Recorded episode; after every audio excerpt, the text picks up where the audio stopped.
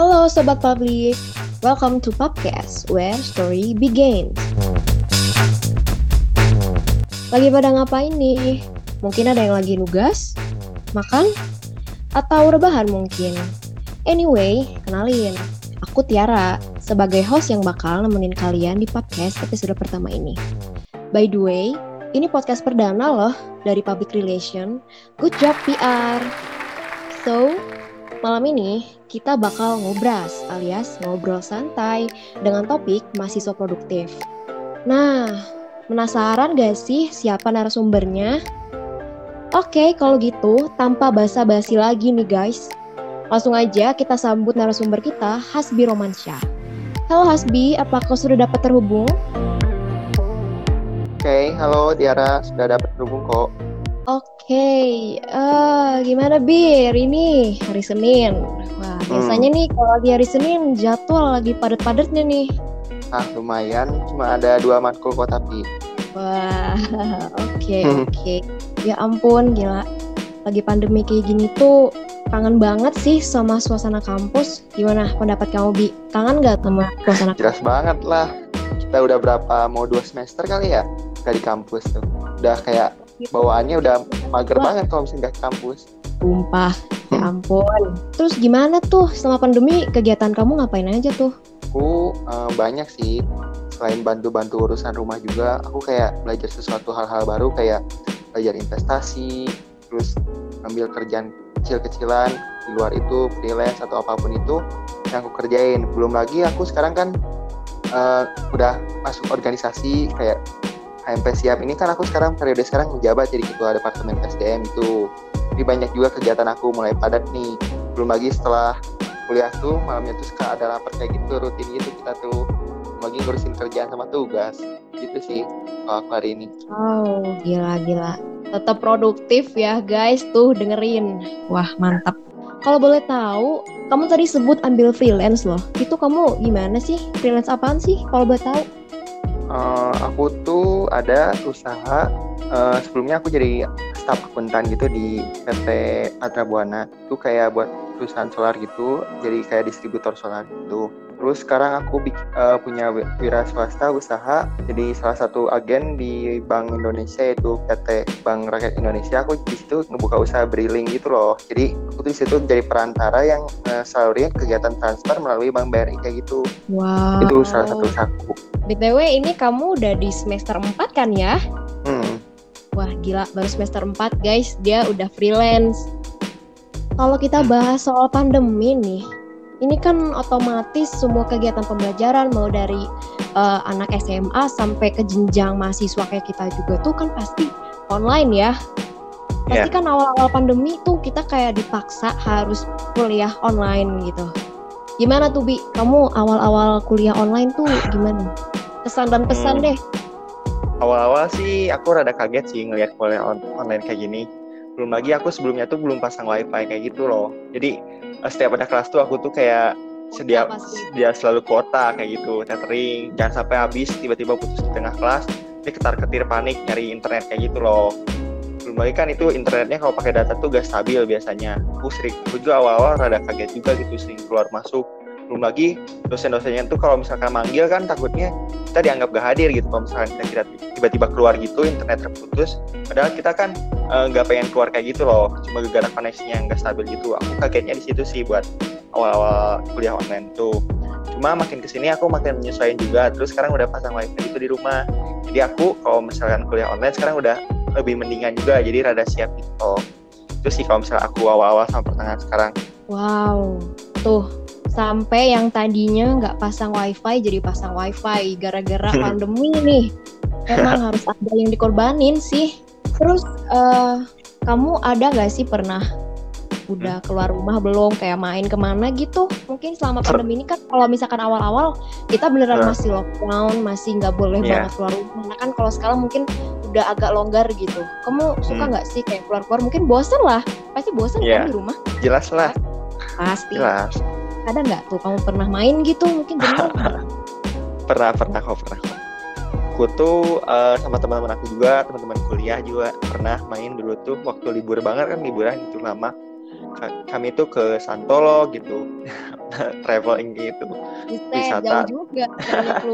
Terus eh, ke Sawarna gitu ke pantai Sawarna gitu. Itu refreshing kemarin yang waktu liburan. Terus kalau misalkan aku refreshing kayak di weekend kayak gitu aku biasanya sih eh, me time gitu ke kafe-kafe kalau gak nonton film gitulah. Mungkin kalau misalnya buat segang-segang nakal dikit. Buset. biasa. Takut kamu gitu? Pas kamu Rasa keluar rumah padahal kamu tuh udah ngikutin protokol. Ngikutin protokol gak tuh btw ya jelas lah ngikutin dong. Kayak gitu aku di, nanti didenda ditangkap tapi ada nggak sih rasa takut? Tapi kalau misalkan nggak keluar kamu tuh kayak jenuh banget tapi pas keluar takut gitu. Ih takut. Hmm, terdampak. Takut positif gitu. Ada gak Iya. tuh perasaan gitu? Ada sih belum lagi kan kita di Bandung ya kita tuh udah masuk daerah zona merah kayak gitu sebelumnya juga. Terus udah ada beberapa kebijakan kayak pemblokiran jalan terus tuh eh, kadang nggak boleh pulang sampai terlalu malam. Tapi kan sekarang udah kayak PSBB pun masih banyak yang langgar kayak gitu loh. Jadi pemerintah pun kayak udah gak, gak tau ada pelonggaran kebijakan gak tau apa pun itu. Tapi kan masyarakatnya sendiri kan bandel kayak gitu.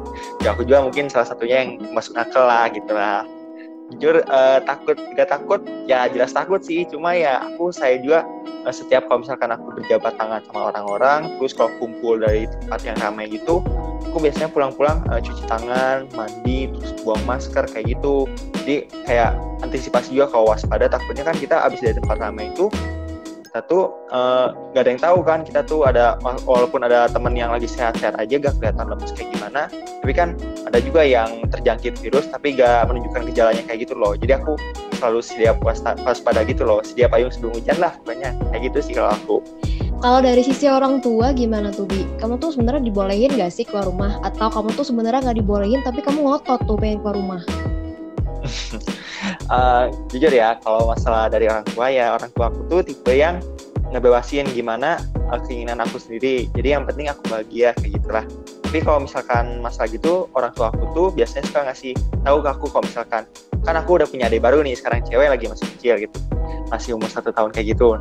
Orang tua aku suka berpesan gini nih kalau kamu keluar usahain eh, jangan terlalu kayak kumpul tempat ramai yang kamu tuh kena saling bersentuhan kayak gitu fisik terus kamu tuh benar-benar kayak di tengah-tengah kerumunan kayak gitu. Nah aku selalu berusaha buat jangan terlalu dekat-dekat juga sama orang-orang walaupun aku ikut di kerumunan kayak gitu. Nah pesan dari orang tua aku kayak gitu buat pandemi ini. Jadi usahain kan tahu gitu aku tuh punya adik baru masih kecil lagi kan. Sayang banget kalau misalnya di keluarga aku tuh ada yang kena kan amin-amin juga sih tapi ih, ngeri banget kan kayak gitu. Jadi orang tua aku kasih pesan kayak gitulah gitu. Oke. Back to topic guys, topik kita masih so produktif. Nah, ya kalau ngomong tentang produktif nih di masa pandemi. Hmm. Asbi, kamu sekarang udah semester 4. Pasti Hmm, berat. Ya kan? Pasti berat banget. Makin kita naik semester itu aku jamin pasti makin susah mata kuliahnya, makin banyak tugasnya, analisis segala macem.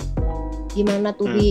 Kamu kalau misalkan kuliah terus misalkan dalam seminggu itu banyak deadline tugas.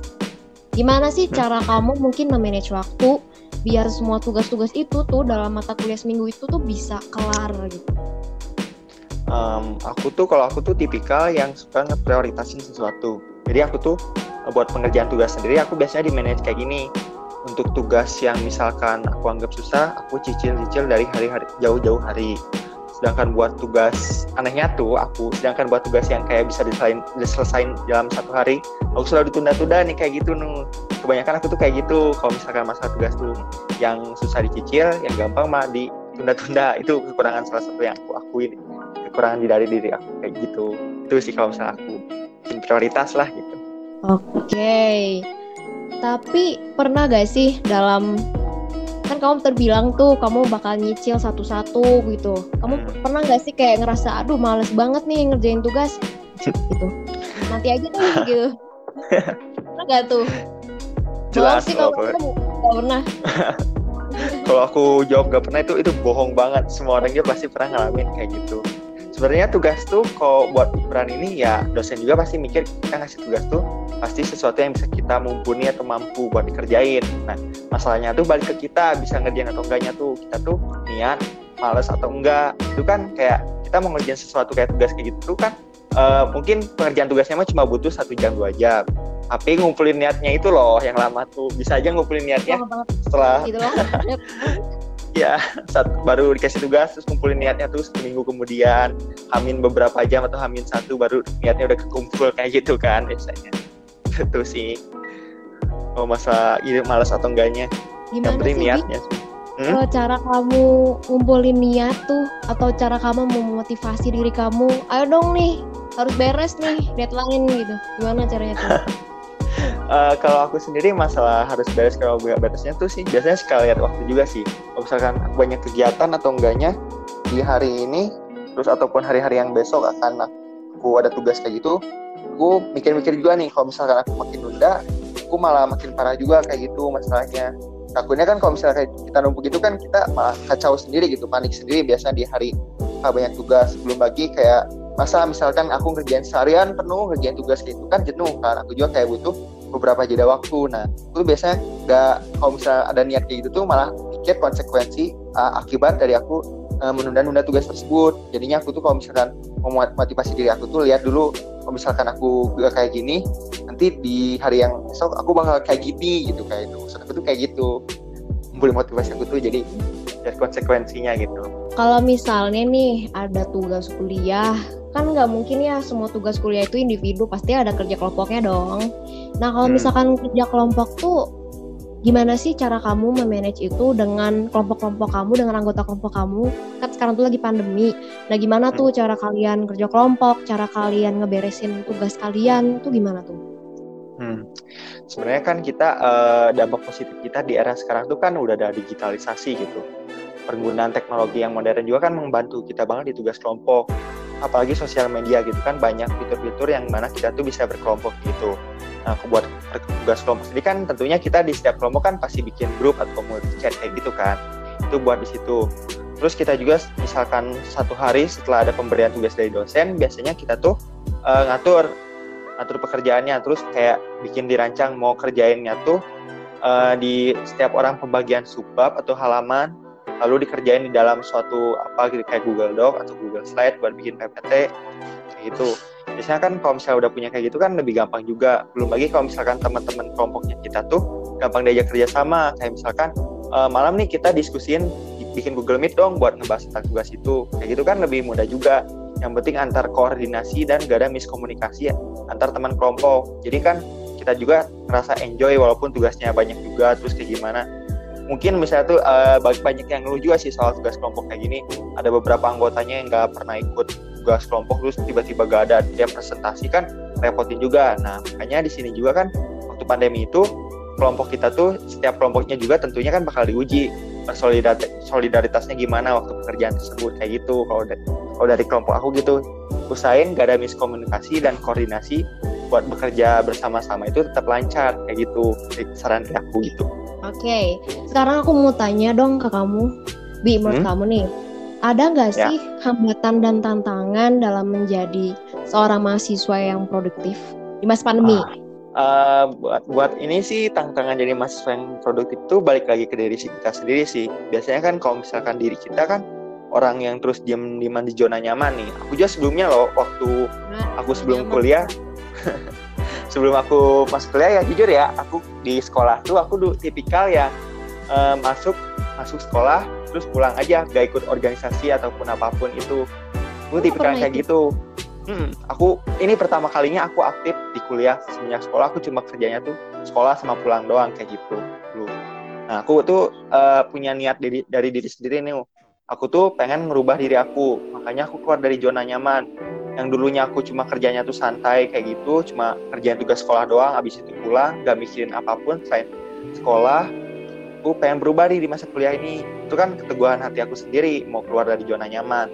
Pertama dari aktivitas diri aku, terus kedua mungkin kan aku juga pertama kali masuk uh, organisasi itu apalagi rada kaget juga kan aku sebelumnya yang orang males-malesan santai kayak gitu di sekolah tiba-tiba masuk kuliah tuh aktif ikut segala macam kayak lomba juga organisasi gitu kan ngerasa kalau misalkan tuh ini tuh berat banget sih capek banget sih.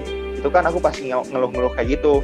Tapi aku tuh di balik ngeluh itu tuh aku tuh tetap melaksanain hal itu itu tuh salah satu sikap aku. doang gitu. Iya salah satu sikap profesional kita loh di dalam di dalam kehidupan kayak gitu.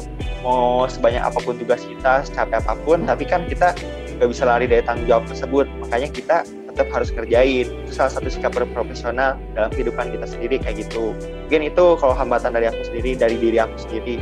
Sedangkan mungkin kalau misalnya dari luar kan uh, buat pan uh, buat diri aku buat kalau dari luar sih sebenarnya aku kayak setiap butuh itu aku butuh motivasi gitu ya. Kayak motivasi teman-teman circle ataupun kerabat keluarga temen segala macem kan kayak kita juga kalau misalkan buat mau jadi apa pun tuh kayak sesuatu yang kita perjuangin itu kan harus ada alasannya dong tentunya kan.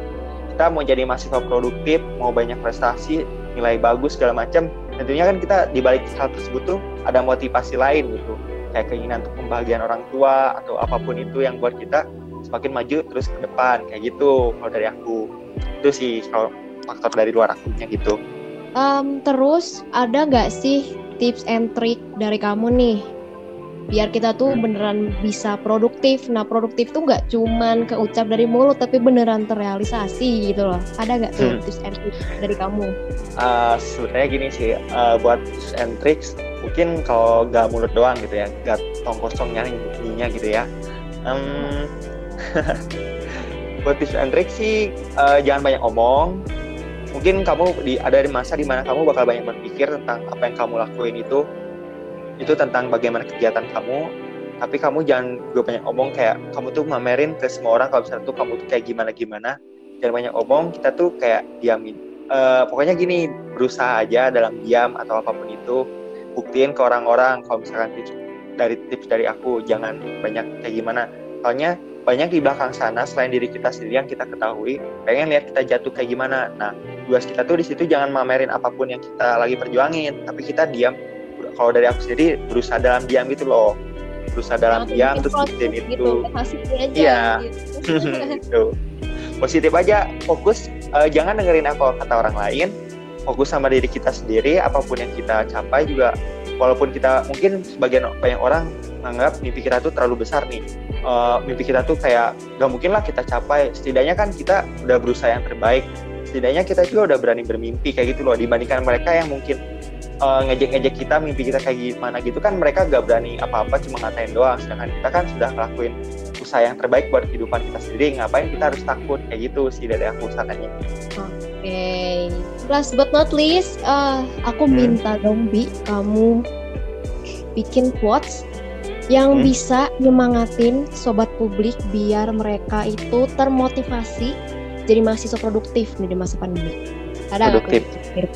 Hmm. Um, kalau aku ya ada mungkin dari banyak kita dari kita sendiri uh, ngejalani kehidupan kayak misalkan kita kehidupan kuliah itu banyak dari kita yang merasa capek, jenuh, ngeluh ataupun apa pun itu, tapi kita tetap ngelakuinnya itu adalah salah satu sikap kita untuk bersikap profesional dalam kehidupan kita. Tapi di balik kejenuhan itu sampai capaian itu uh, banyak orang-orang yang menanti dan melihat diri kita sendiri kalau misalkan kita sukses. Makanya kalau misalkan kamu udah berjuang, jangan lupa kamu lihat ke belakang kamu, lihat orang-orang siapa yang mendukung kamu siapa aja, juga siapa yang nyengatin dan pengen lihat kamu benar-benar sukses. Kalau dari aku itu buat motivasi aku gitu. Pokoknya uh, jangan lupa untuk siapa kamu berjuang gitu walau untuk siapa pun itu keluarga ataupun orang kamu cintai ataupun diri sendiri kayak gitu masih dari kayak gitu sih oke Hasbi good nah sobat publik gak kerasa nih aku nemenin kalian di podcast malam ini Semoga semua informasi yang tersampaikan pada topik hari ini dapat berguna bagi keberlangsungan perkuliahan kita semua. So, stay tuned on next podcast where story begins. Dadah! Dah.